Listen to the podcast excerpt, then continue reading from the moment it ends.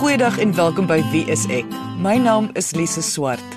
Ek het nie self kinders nie, maar as daar een ding is wat ek oor die jare van Wie is ek aanbied al agtergekom het, is dat ouers net so sukkel om te besluit of hulle kinders 'n sielkundige moet gaan sien, soos wat volwassenes aangaande hul self worstel met die besluit. Kinders kan afhangende van hul ontwikkelingsfase moeilik wees. Ons almal weet van die terrible twos byvoorbeeld. Maar wanneer is moeilik te moeilik? Wanneer is 'n vloermoer meer as net 'n reaksie in 'n situasie?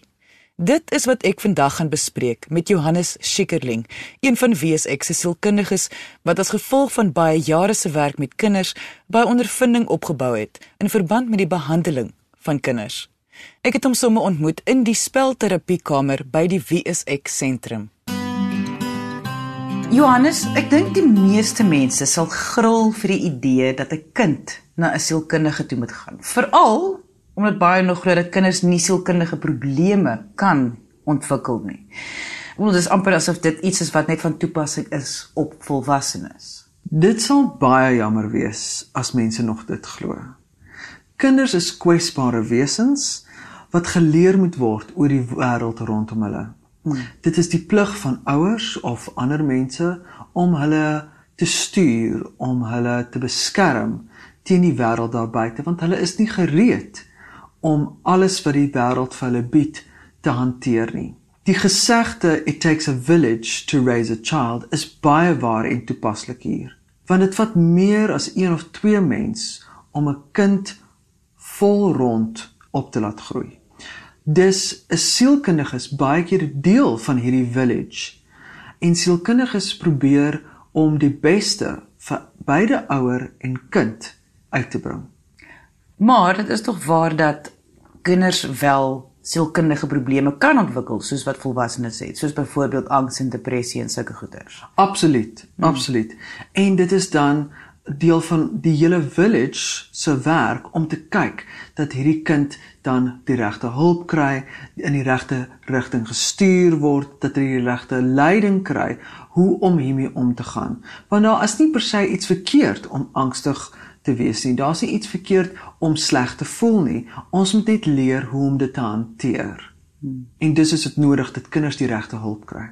Kom ons kry net 'n paar praktiese punte uit die pad. Kan enige sielkundige 'n kind behandel? Verseker nie. Vanweer die feit dat kinders so kwesbaar is, kan ons hulle nie net in die hande van enige terapeut stop nie. Hmm. Ons moet kyk na mense wat die regte opleiding het wat die belangstelling het sowel as die ervaring het. En nie alle terapeute of sielkundiges stel belang om met kinders te werk nie. So ons moet regtig kyk dat die persoon die drie faktore het. Dit is belangstelling, dit is ervaring en dit is die regte opleiding. Omdat kinders, veral kleintjies, sukkel om in woorde uit te druk hoe hulle voel, iets waarmee ek voel die meeste volwassenes ook maar sukkel, maar dis nou iets anders daai, maar omdat kinders veral met woorde sukkel. Hoe werk die terapie dan met kinders? O, oh, dit is 'n baie goeie vraag. Baie mense wonder hieroor. Hmm. Omdat taal nie 'n hoofkommunikasiemiddel is nie. Ons kyk dan na ander tipes kommunikasie, byvoorbeeld gedrag, emosies, maar waarvan die belangrikste is spel. 'n Kind se natuurlikste manier van kommunikeer is deur speel. Dis word spelterapie gebruik en daar is verskillende forme daarvan om terapie met kinders te doen. Baie mense vra ook, so speel jy dan nou maar net heeldag met die kinders? Die antwoord is eintlik ja. Die spel word gebruik om eerstens die leefwêreld van die kind te ondersoek en te ervaar. Kinders speel spontaan en terapeute laat hulle self toe om in hierdie wêreld te verdwyn saam met die kind sodat hulle 'n gemeenskaplike taal het wat hulle beide kan verstaan en dat die kind 'n spasie het waar hy homself kan uitdruk van hoe hy voel, wat met hom daagliks gebeur en om sy omgewing beter te verstaan. Net om te verstaan, so wat jy sê is hoe 'n kind speel is hoe 'n kind is. Met ander woorde, as daar 'n boetie en 'n sussie is, albei speel, maar hulle gaan verskillend speel want hulle is verskillende kinders. Absoluut. Elkeen het sy eie leefwêreld. Mm. En die spel is eintlik maar 'n manier van ons wys dit is wat hulle elke dag beleef. Ons almal het die behoefte om dit wat ons elke dag ervaar, moet ons kan uitdruk op 'n of ander manier. Anders gaan ons mal word. So dit is hoe kinders hulle self uitdruk. Dit wat hulle ervaar, dit wat hulle inkry, moet dan uitgaan. En spel is dan die manier waarop dit gekommunikeer word of uitgaan of verwerk word. So kinders se emosionele probleme, selfs gedragsprobleme, enige probleem word dan sigbaar uh in die kind se spel. Ek en jy sit nou hierso in die spelterapie kamer. Mm. En ek sal fotos op ons Facebook sit oor hoe dit hier lyk. Wonderlik. Nou so hier is nou 'n klomp verskillende speelgoed, dis teddybeere en hier is skapies en daar's selfs 'n haai en 'n kasteel en 'n pophuis. As jy sê daar's verskillende soorte spelterapie, hoe werk dit dan? Kan 'n kind enigiets kies of sê jy wat ons nou gaan doen? Ons kry verskillende tipe spelterapie soos jy nou reeds, reeds gesê het. Wat spelterapie het, twee tipes. Ons kry die direktiewe en die nie direktiewe. Direktief is so groot woorde, maar dit is eintlik baie eenvoudig. Dit beteken dat die terapeut 'n deelneem, hy sal voorstelle maak, uh daar sal 'n gemeenskaplike uh direksie wees dis hoekom dit direktief is mm -hmm. van die spel. Nie direktief is wanneer die terapeut baie meer terugsit en toelaat dat die kind byna enigiets kies dat die kind vorendag kom met kreatiewe idees ensovoorts. Dit is eintlik soos aksie reaksie. Jy net kyk so. hoe 'n kind reageer en jy toets hoe 'n kind moet aksie neem. Yes, net so. Oh, okay. Ja. Dan kry ons ook wat ons noem sandplay therapy En dit is dan uh, in 'n ander kamer wat ons ook hier by die praktyk het waar daar met die sand gewerk word as ook verskillende figure en kinders kan dan kies watter figure hulle in die sand plaas en dit het dan verskillende assosiasies. Jy luister na Wie is ek met Louie en Lise op RSG 100 tot 104 FM. Soos ek aan die begin van die program gesê het, is daar ontwikkelingsfases van kinders wat moeiliker kan wees as ander soos mm. byvoorbeeld die alombekende terrible twos mm. maar hoe gaan 'n ouer weet dat hoe hulle kind nou optree is nie net 'n fase nie maar dat daar dalk iets verkeerd kan wees Ouerskap is seker een van die grootste uitdagings wat 'n persoon ooit in hulle lewe gaan ervaar. Kinders bring die beste uit ons uit en gee ons 'n fantastiese gevoel, maar kinders bring ook soms die swakste uit ons uit. Dit is dan baie moeilik omdat daar nie 'n kursus of 'n handboek is wat ouers kan help om te weet is hulle op die regte pad doen die regte ding of wat jou kan verseker dat dit hierdie is die resep vir 'n suksesvolle kind nie. Hmm. So jou vraag oor hoe weet ons nou eintlik wanneer iets verkeerd is?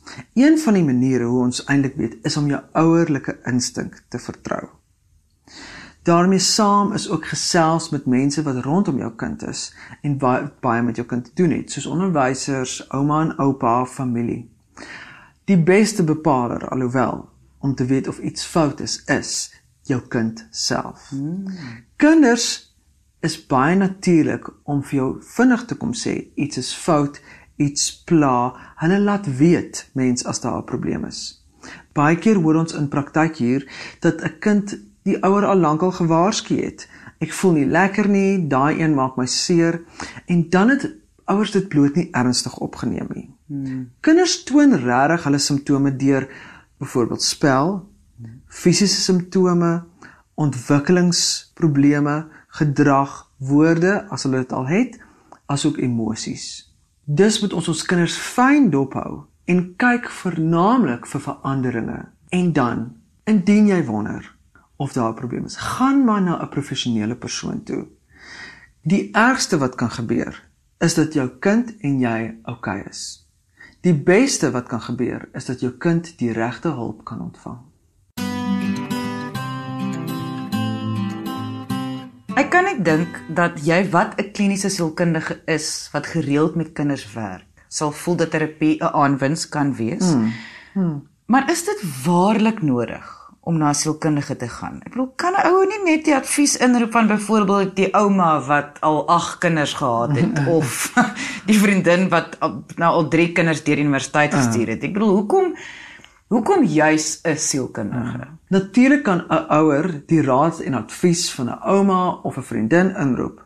Ongelukkig is dit my ervaring dat 9 uit 10 keer sê hulle iets soos nee wat dit is net 'n fase of hulle is maar so op die stadium. Die rede hiervoor is omdat ander volwassenes met volwasse oë kyk na 'n kind en nie met kinderoë nie. Simptome in volwassenes en kinders verskil baie. Ons neem 'n voorbeeld soos depressie. Depressie by volwassenes gaan gepaard met traagheid, geen lus vir die lewe nie. In kinders lyk dit soms baie anders. Dit gaan gepaard met goeie soos aggressie, ooraktiwiteit of selfs hiperaktiwiteit. Wow, okay. En dis en beide is eintlik depressie. So hmm. ons moet met kinderoë kyk of daar iets fout is met die kind al dan nie. Sielkundiges het goeie opleiding in byvoorbeeld ontwikkelingsfases en hulle kan 'n goeie definisie plaas op wat is binne die ontwikkelingsfase en wat is buite dit. Familie en vriende is natuurlik bang om ouers seer te maak of hulle gevoelens te raak. En daarom is sielkundiges lekker onafhanklike mense wat van buite af 'n buitevisie kan gee. Ja, wat ek kan dink want familie en vriende gaan een of die ander wees, met ander woorde hulle gaan of te kwaai wees en sê Mm. of jou kind is aaklig en jy Ja. moet regtig iets doen nee dit is dit is onaanvaarbaar Ja. of hulle gaan die ander kant toe hulle gaan te sleg voel om iets negatief te sê gaan hulle o nee jou kind is te pragtig en wonderlik en oulik Presies. En sielkundiges help om 'n goeie objektiewe kennis te gee oor wat met die kind aangaan. Omdat hulle juis na die kind kyk op die kindervlak 1 hmm. en 2 omdat hulle lekker objektief kan wees rakende die kind en sy ontwikkelingsfase. Johannes net om ons almal weer op dieselfde bladsy te kry. Kan jy dalk net gou weer die tekens dat iets dalk verkeerd mag wees met 'n kind net gou weer vir ons opsom? Sekerlik. Die beste teken is altyd die kind self. Luister en kyk na jou kind. Indien daar skielike veranderinge is in die kind, byvoorbeeld gedrag, ons sien goeie soos aggressie of selfs die emosies, hulle word skielik gou opgewerk. Mm -hmm. Woorde, hulle sê die hele tyd iets voel nie lekker nie of hulle voel nie lekker nie. Ons kyk ook natuurlik na ontwikkeling of daar probleme is. Ons kyk dan vernaamlik na iets soos as hulle 'n vaardigheid gehad het en hulle het nie meer daai vaardigheid nie. Byvoorbeeld, hulle kon altyd goed toilet toe gaan op hulle eie en nou skielik weier hulle mm. om dit te doen. Het skielik weer 'n doek nodig. Mm. Dan kyk ons na ontwikkeling. Ons kyk ook natuurlik na spel. Gooi hulle skielik goeders rond wat hulle nie altyd rondgegooi het nie. Bring dan as jy probleme in enigiets van hierdie areas sien, bring dan jou kind vir 'n assessering. En dit is net 'n assessering. Dit is nie noodwendig 'n tronkstraf of jy moet vir terapie gaan vir maande nie. Kinders is ons kosbare en mees kwesbare item en ouers voel passievol oor hulle kinders. En terapeute verstaan dit. Dit is nie die doel om 'n wig tussen jou en jou kind in te druk nie. Die doel is juis om ouer en kind nader aan mekaar te bring. En as 'n kind probleme ervaar en weet nie hoe om dit uit te druk nie, is daar 'n skeur tussen ouer en kind.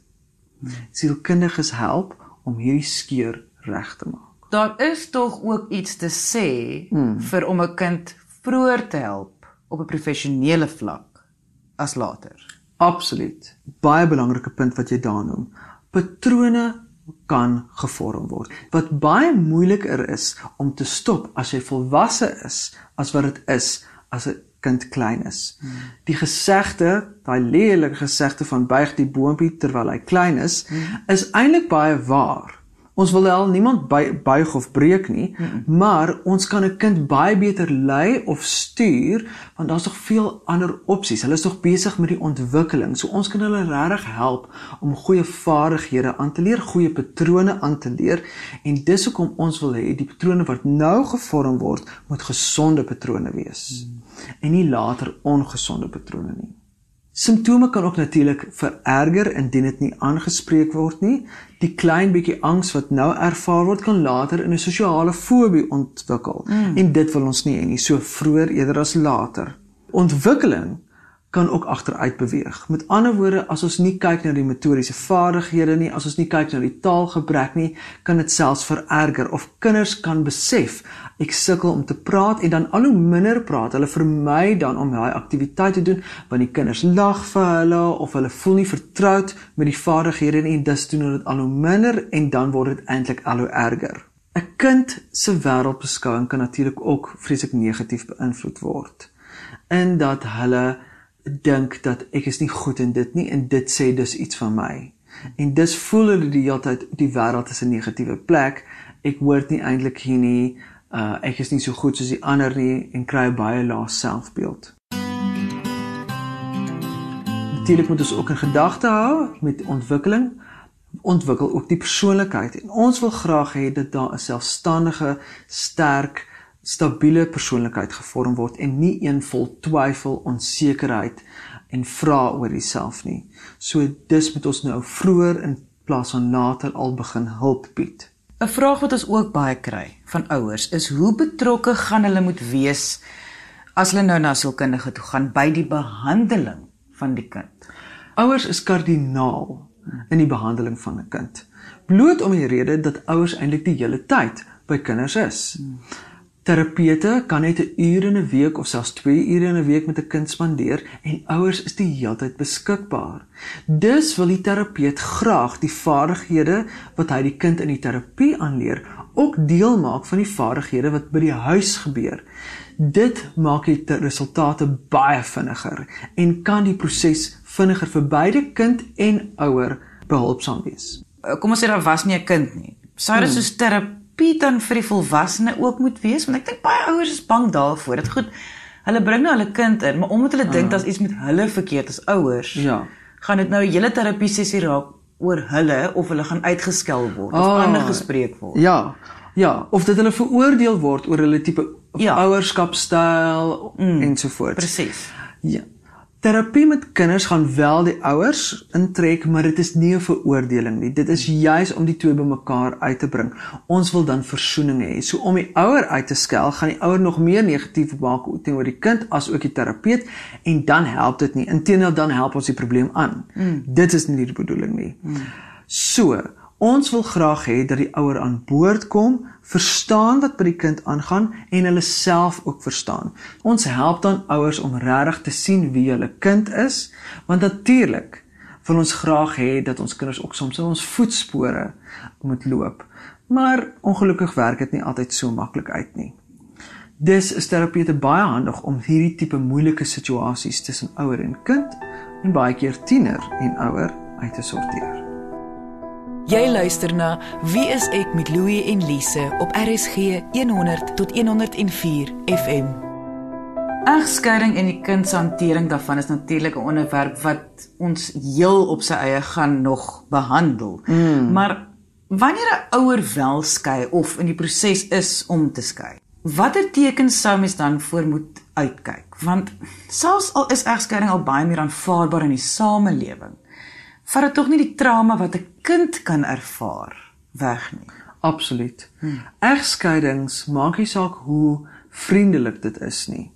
Is altyd traumaties vir 'n kind omdat dit 'n groot verandering is in hulle primêre leefwêreld. Dit beteken die kerngesin. Skielik verander dit. Skielik is daar nie meer 'n ma en 'n pa nie. Die twee is nou geskei en dit veroorsaak geweldige angs en trauma by kinders. Hmm. Ons verstaan dit dat kinders in 'n tipe oorlewingsfase ingaan. So met ander woorde, daar's 'n krisis en dan cope hulle net, net om te oorleef. Hmm.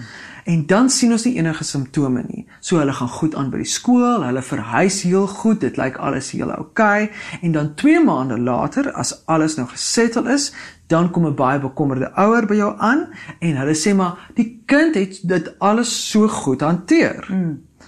Maar Die kind wys eers die simptome as dit as hulle gesettel is, as alles kalm is, dan het hulle eintlik eers die vrymoedigheid om hierdie simptome te wys want hulle is nie meer in oorlewing nie.